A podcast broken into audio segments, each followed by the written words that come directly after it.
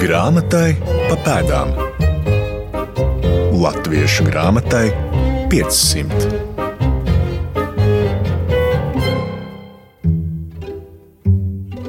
Šoreiz mūsu uzmanības lokā Latviešu literārā biedrība, saukt arī par Latviešu draugu biedrību. 19. gadsimta pirmajā pusē Vācu baltiešu mācītāji dibināta sabiedriska organizācija ar nolūku kopt un pētīt latviešu valodu, vēlāk arī folkloru un kultūru. Gūsit atbildi uz jautājumu, vai latviešu valoda ir spējīga un gatava augstajai vācu literatūrai, kā piemēram Gētes un Šillera tulkojumiem. Literatūras zinātnieki Māra Grudule un Pauls Dāja palīdzēs iepazīt biedrības dibinātājus, darbības virzienus, dzirdēsit arī tulkojumu un atzījumu paraugus. Mans vārds Laima Slava un aicinu doties mums līdzi Latviešu literārās biedrības izpētē. Grāmatai pa pēdām. Ir zināms Latviešu literārās biedrības dibināšanas gads - 1824. Pauls Dāja rosina sākt ar vēsturisko kontekstu, atgādinot par dzimbūšanas atcelšanu 1817. un 1819. gadā Kurzemē un Vidzemē. Protams, šis notikums tam nav tādas sekas tūlīt nākamajā dienā.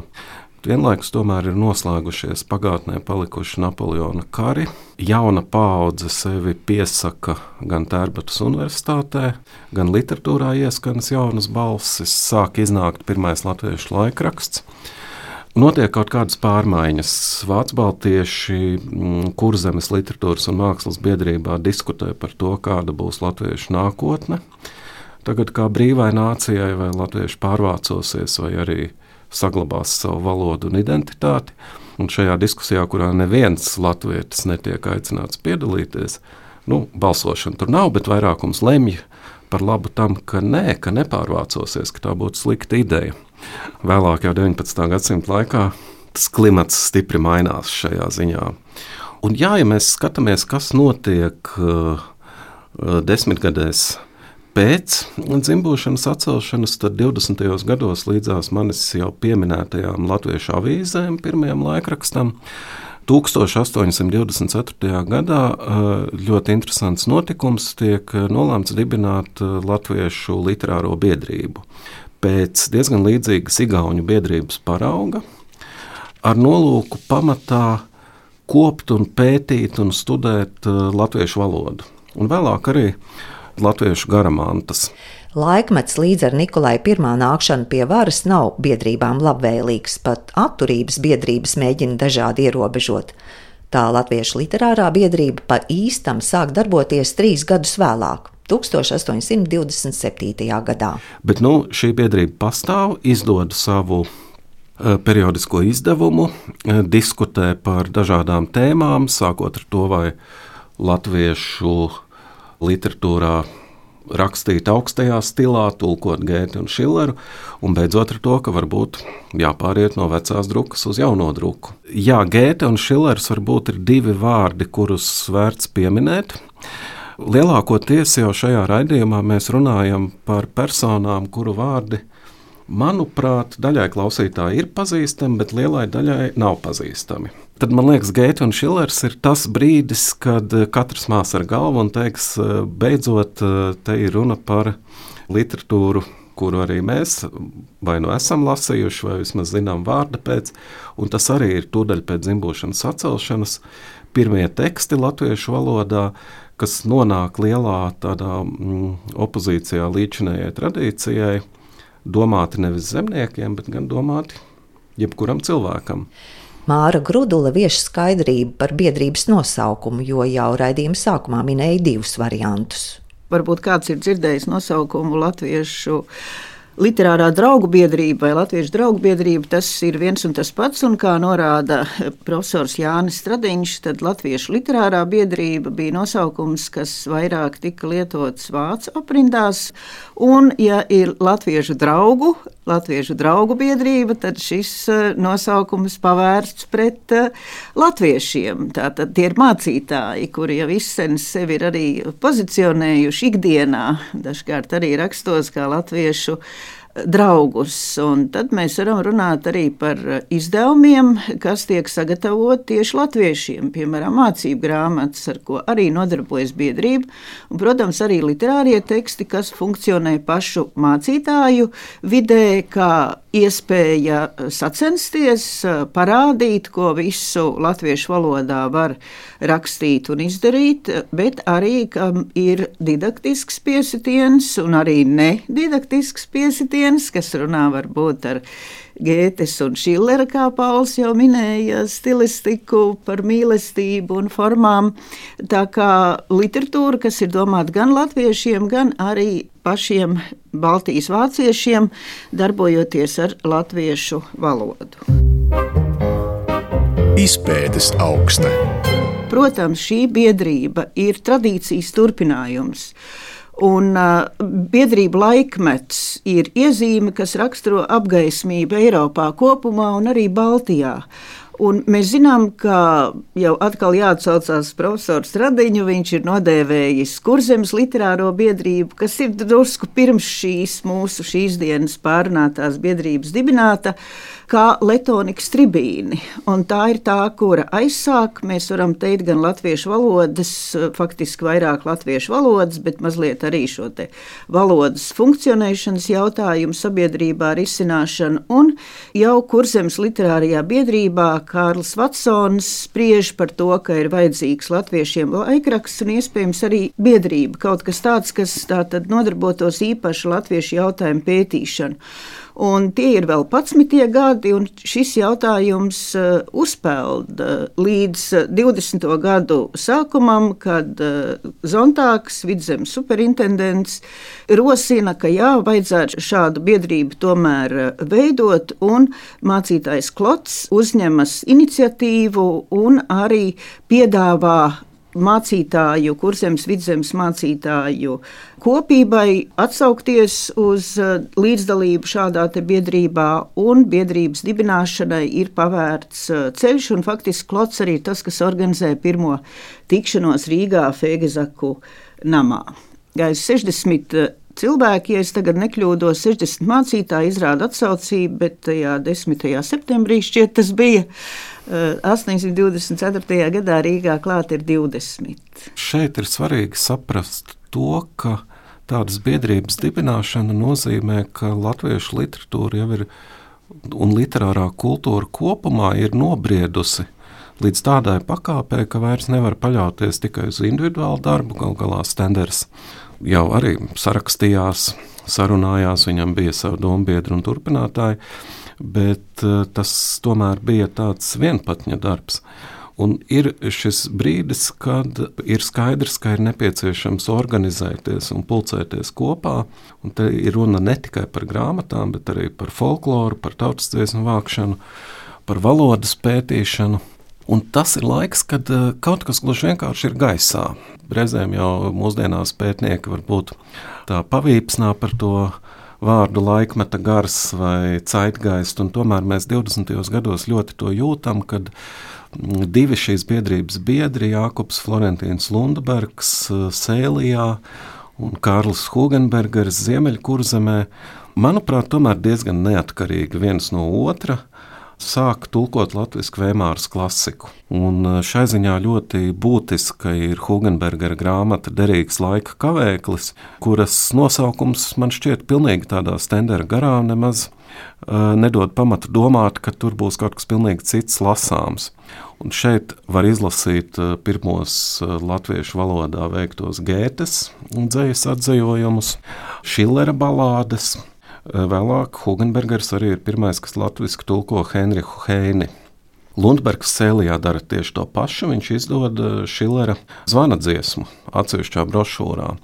Un ievadā viņš saka, ka viņš šo grāmatu ir iecerējis ne tik daudz latviešu zemniekiem, kā latviešu valodas mīļotājiem latviešu valodas interesantiem. Māra Grudula īpašu uzmanību pievērsusi savos nesenajos pētījumos tēmai, ka ne jau visām latviešu grāmatām apgaismības laikmatā adresāti bija latvieši.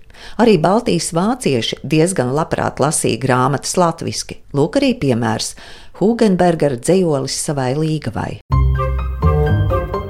Atklājam tekstus! Vācietis raksta līgavai latviešu, manuprāt, arī tā Hugenbergera valoda latviešu ir ļoti mūsdienīga. Es mazliet, mazliet pacitēšu dažus pantus.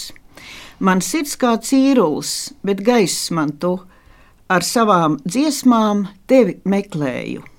Man sirds kā pumpurs, bet saule tu, kad mani skūpsti, tad uzziedu. Man sirds kā gliemēs, bet pērle tu, ar tevi ir viss mans, viens nederu. Man sirds kā puķe, bet smarža tu, pie tevis mīļā drīz vītīšu. Hugenbergers bija ļoti aizrāvies ar latviešu valodu. Viņam acīm redzot, bija arī tāda valodnieka dzirksts, kaut gan viņš nebija profesionālis. Viņam patika brīvajā laikā mm, trīs lietas - muzicēt, eh, kopt dārzu un tulkot.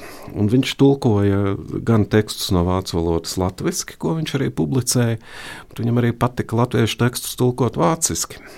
Un, jā, par sarakstu ar Līgavu. Tā jau diezgan parasta lieta. Protams, ka viņi abi latviešu valodu bija apguvuši jau bērnībā un prata. Ja mēs paskatāmies arī dažādos piemiņas albumos, jau nebija nekas eh, neparasts eh, rakstīt latviešu veltījumus. Arī tērbatā pirmajai Vācu Baltiešu studentu korporācijai devīze bija latviešu. Tam draugam draugs. Uh, nu, nav jau tā, ka visi tikai latviešu vien būtu sarakstījušies un sarunājušies, bet viena daļa šādu bija arī Latviešu literārajā biedrībā. Galu galā bija arī sanāksmes, kas notika latviešu. Un Latvijas Universitātes akadēmiskajā bibliotekā ir arī ļoti interesants. Mm, Pagaidām vēl pētnieku līdz galam neapgūts uh, rokrakstu krājums no Latvijas literārās biedrības. Arī tur mēs varam redzēt, ka ir bijuši mācītāji, kas par 19. gadsimtu vidū vēl ir savā starpā sarakstījušies latviešu. Uh, acīm redzot, tad, ja viņi sarakstās par šīm profesionālajām latviešu kultūras un valodas tēmām, tad viņiem ir licies arī iekšējā sarakstā izmantot latviešu valodu, nevis vācu. Grāmatai pa pēdām. Turpinājumā kopā ar literatūras zinātniekiem Māru Gruduli un Paulu Dāju skaidrosim, kāpēc šajā laikā parādās Gētes un Šillera tulkojumi. Gēta kaut kas jauns, Heine jauns, bet ļoti epizodiski. Šillers jau latviešu tulkots pašā 19. gadsimta sākumā.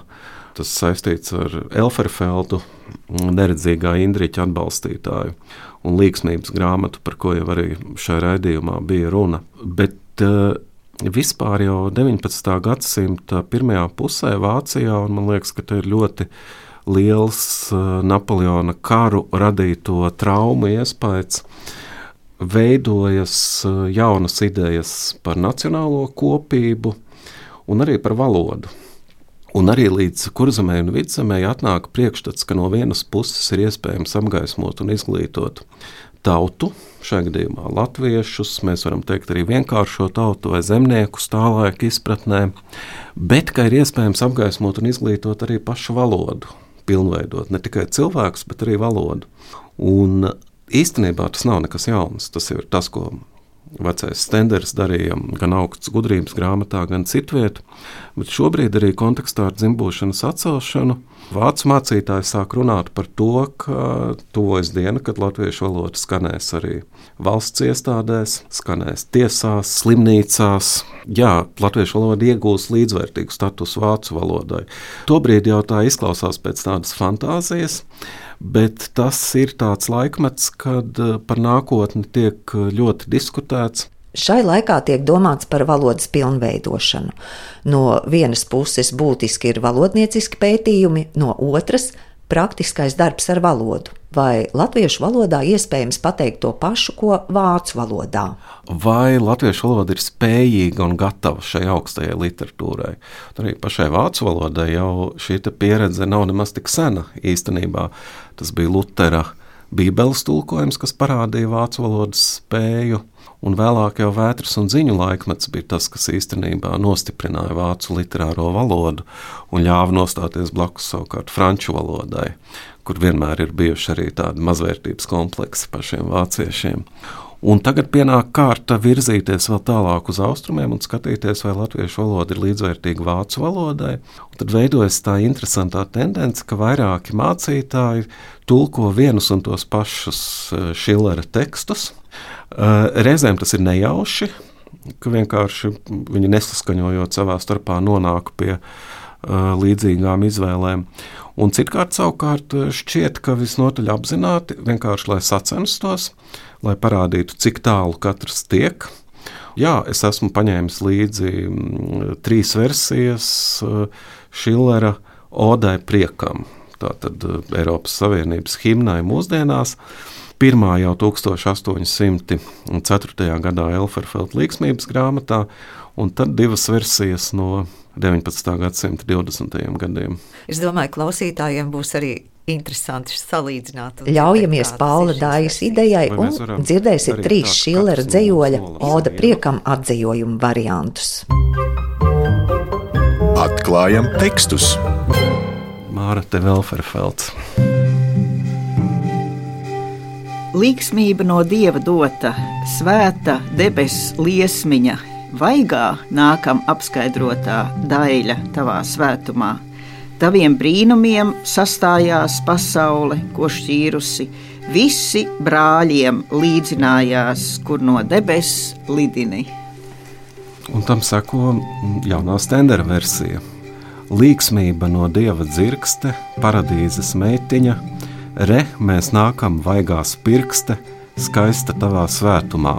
Spēcīgi tu salīgi draugi, ko vien māņi dalīja, ubagi top kungu draugi, tavu spārnu vēsumā. Un jums laimēs piedāvāju Hugenbergera 1827. gada variantu. Prieki mums no dieva doti paradīzes bērniņi, līksmi nākam aplaimoti jūsu svētā dzīvoklī, kad jūs buriet, sajiet tāļi, šķirti, kas nelietībā, visi cilvēki to brāļi jūsu spārnu pēnā. Māra, jums varbūt ir kāds secinājums vai piebilde? Par sacensību? Jā, par sacensību. Atskatoties biedrības vēsturē, sacensība dažkārt izraisīja arī batālijas biedru vidū. Nu, varbūt ne gluži ar zobeniem vai dūrēm, bet uh, vārdiski apmaiņu savstarpējās polemikās. Es domāju, ka tas nebija arī slikti, jo, protams, bija valoda, no kuras izvēlēties līdzekļus un atkarībā no cilvēku zināšanām un priekšstatiem, tad arī labojumi tika veikti un uh, pārmetumu gūzma krāvās virsū. Pie tam jau biedrības uh, locekļi paši nebija vienprātīgi attiecībā uz to, ko var un nevar darīt ar latviešu valodu. Un, ko var latviešiem piedāvāt un ko nē, vai heksametrs varētu būt saprotams uh, latviešu lasītājiem. Mēs redzam vēl alunāna dziesmīņu tulkošanas brīdī izskan no Gustava Bražas norāde, kas gan tad sapratīs to, ko alunāns ar dziesmījām gribējis teikt, un tas ir 30 gadus vēlāk un vēl gadsimta pirmajā pusē, tā kā batālijas veda arī pie vērtīgiem rezultātiem domu apmaiņa eh, veicināja eh, iedziļināšanos valodā, tas nāca pa labu. Un, ja es tagad nekļūdos, tad man liekas, arī Hugenbergera tulkojumi iekļuva šādās uh, domu apmaiņas krustugunīs. Tāpat Donelaiša gadalaiku tulkojums arī bija tika apspriests un rūpīgi recenzēts un, un pārskatīts, kā tur ar latviešu valodu. Tā, tā tas, tas arī atzīmē, ka tulkojumi veicināja domu apmaiņu un iedziļināšanos valodā un poetikā. Turpinot par latviešu literāro biedrību, cik bieži biedri sanāca un vai tās bija tādas regulāras tikšanās, vai tā gluži nenotika, Paula? Bija arī regulāras tikšanās. Bija ikgadējās sanāksmes, kur mēģināja sapulcēties pilnīgi visi, bet ļoti daudz darba norisinājās sarakstoties. Un faktiski jau no šādām sarakstēm pa daļai arī biedrība izauga, jo jau pirms tam sakarā ar racionālistu dziesmu grāmatām un citiem tādiem lielākiem projektiem. Bija tā praksa, ka izsūtīja viens otram manuskriptus, tad salaboja kļūdas, sūtīja nākamajam, un bieži vien tad, kamēr atgriezās pie paša tulkotāja, tad tas teksts jau bija pilnīgi neatpazīstams. No vienas puses mēs te runājam par laiku īstenībā, kad ļoti daudz kas veidojas tāds, kas raksturo latviešu valodu un kultūru šodien. Jo tieši Latviešu literārā biedrība ir tā, kurā ārsts, starp citu, latvietis, kuldīdznieks, vēlāk Juris Bārs, ierosina pāriet uz jauno ortogrāfiju, atmest veco druku. Arī citas mm, jaunas idejas, ja netiek īstenotas, tad izskan šajā biedrībā. Mēs runājam par šādu laiku, bet tajā pašā laikā mēs redzam arī šos dzīvos cilvēkus, kas piedalās šajos procesos mācītājus, spēcīgas personības, un Mārija jau pieminēja arī uh, to, ka nu, ļoti bieži ir tēmas, par kurām viņiem domas sakrīt, bet man liekas, nemazāk bieži tie viedokļi ir pretēji, un neviens nav gatavs piekāpties.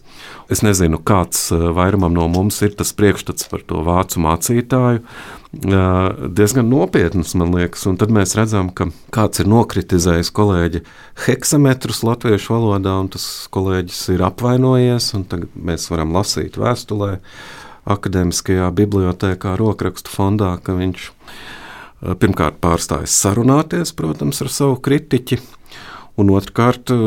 Pirmā lieta, ko viņš saka, es stāšos no biedrības ārā. Varbūt dibināšu jaunu, pats savu biedrību, ja mani šeit nenovērtē. Tomēr ir diezgan apbrīnojami, ka tā arī neizveidojās jauna biedrība. Viņiem izdevās kaut kā visas šīs problēmas pārvarēt, un var jau būt, ka vēlāk nu, tāds liktenis bija Latviešu literārajai biedrībai, ka viņa nokļuva opozīcijā jaunatviešiem, Rīgas latviešu biedrībai. Varbūt opozīcija par skaļu vārds, bet katrā ziņā tās attiecības bija nebūtu nevieglas viņiem izdevās palikt vienotiem. Un tomēr uh, ir ļoti interesanti redzēt, ka tās kaislības ir situšas bieži vien diezgan augstu vilni, un kaut kādā ziņā jau man liekas tas pats, ko mēs šodien lasām Facebook. Tikai, jā, tikai vēstules, kas sūtītas pa pastu reizēm biedrības sekretāram, kā neitrālai personai vai priekšniekam, kam tad izkrata sirdi, bet tad paiet kāds pusgads, un tad jau tas sarūktinājums aizmirstas. Grāmatai pa pēdām. Laikmets 19. gadsimta pirmā puse ir interesants savā daudzveidībā, norāda Māra Grudule, un vācvalodīgās Eiropas literāro lauku tulkotājiem iespēja piedāvāt citā valodā, tātad latviešu, un viņi tulko visu, kas pašiem tīkams. Un es gribēju pieminēt Biedermeja laikmetu, un tā laikmeta vienu no spilgtākajiem pārstāvjiem - Zinīgs Foss, kurš raksta idilles. Un, uh, mēs redzam, cik ārkārtīgi sīki un smalki tiek aprakstīti telpu interjeri, apģērbis, tieši raksturīgi Biedermejera laikmetam, mācītāju mūžas gaisotne. Man liekas, daudz netrūks, kad tā atdzīvosies arī smaržās un uh, garšās un skaņās. Un ir brīnišķīgs piemērs no Jakoba Florentīna Lundberga, kurš ir latviskojis Fosa idilli, latviešu valodā nosaukums godīga ķestera tamma, 7. desmita piedzimšanas diena. Tātad, uh, draudzes faktiski vadītājs, mēs varam teikt arī skolas turētājs, kā var nojaust pēc uh, satura. Ir uh, svinējis savu 70. dzimšanas dienu, gaida ciemos dēlu. Viņš ir paēdis labas pusdienas, ko omulīgā nama māte ir sagatavojusi, un baudījis arī glāzi vīna, un ir ziemas aina, acīm redzot ar logu, un mācītāji mūžā ir silts, un viņš, kā jau cilvēks gados, lēnām laižas snaudā. Atklājam tekstus! Stīvas acis tam slēdzās saldā azaida snaudā. Šodien brangoja viņš ar svētdienas strīpainu kamzoli. Brillis tam noslīdis bija pie sirmiem, spīdamiem matiem. Klāt pie grāmatas gulēja mice no pazilas samtes apšūta ar caunas ādiņu, virsū bija cekuls no zelta. Priecīgi iesāca viņš to septītu desmitu gadu. Un tad vēl mazs gabaliņš par tiem interjeriem, aprakst, kā izskatās mūžā. Visur bija putināts, mēsts un kaisīts ar smalkākām smiltīm, baltas gardīnes, kārtas ap logiem un guļamu vietu, ozola klapgalds, klāts ar sarkanu rakstītu autu.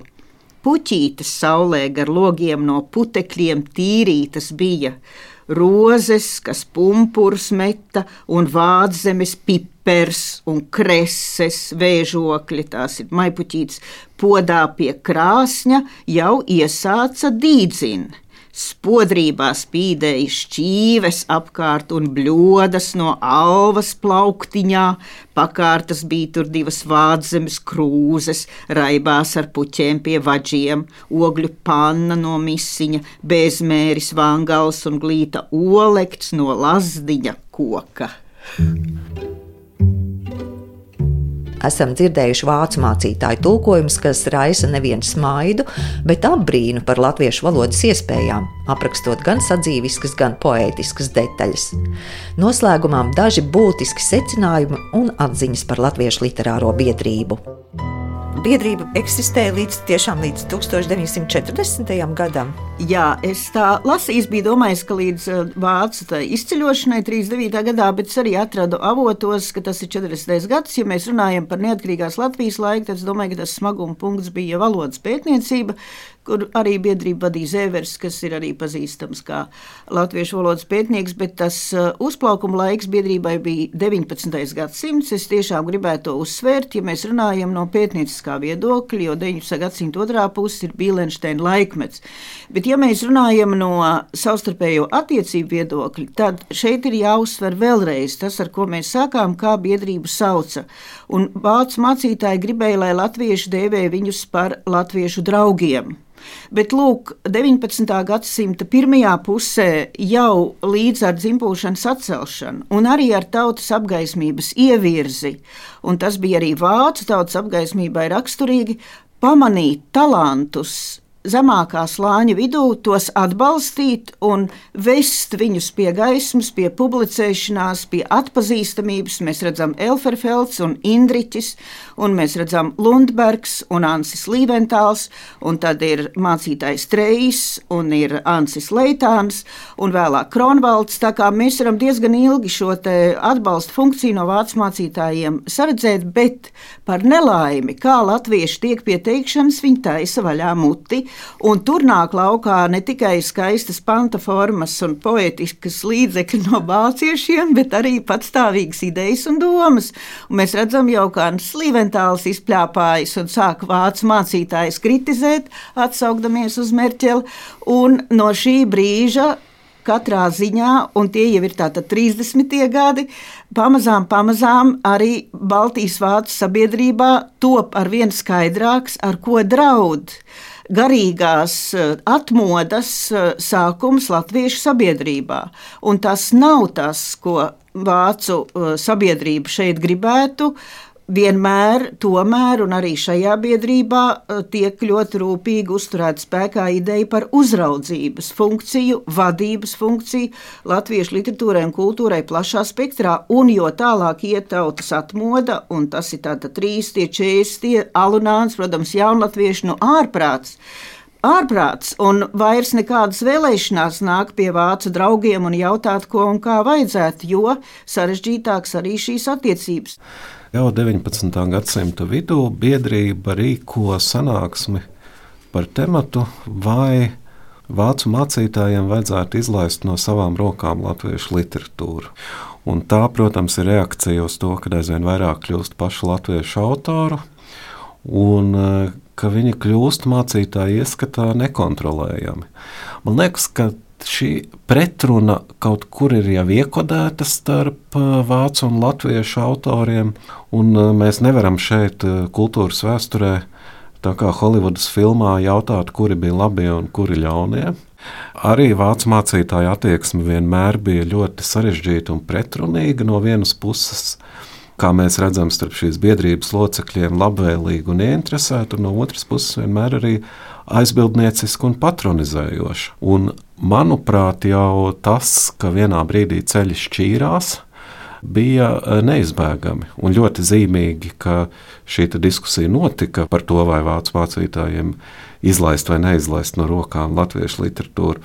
Bet pašiem latviešiem īsti neinteresēja, kāds ir tās diskusijas atrisinājums. Jā, durvis bija pavērtas uz jau pašu latviešu nacionālo kultūru, un tad pienāca brīdis, kad uh, mēs jau sākam runāt par citām biedrībām, par Rīgas Latviešu biedrību. Vēlākā laikā latviešu un vāciešu vēsturiskās attiecības samazglojās un sāsinājās un veda citos virzienos. Līdz ar to esam aizmirsuši 19. gadsimta pirmo pusi, kas ir pavisam cits laikmets latviešu un vāciešu attiecībās, un to mums atgādināja Latviešu literārās biedrības darbība. Saku lielu paldies literatūras zinātniekiem Mārai Grudulei un Paulam Dājam par plašo ieskatu biedrības darbībā un par konkrētiem tulkojumu piemēriem. Bet par raidījumu skanējumu rūpējās Nora Mītspapa, producente Santa Lauga, no jums atsveicinās Laima Slava, raidījuma padomdevējs Latvijas Nacionālā bibliotēka. Nākamreiz skaidrosim, kas bija tā dēvētās racionālistu dziesmu grāmatas vidzemē un kurzemē, kuru dēļ izcēlās protesti un dumpji. Grāmatai pa pēdām Latviešu grāmatai 500.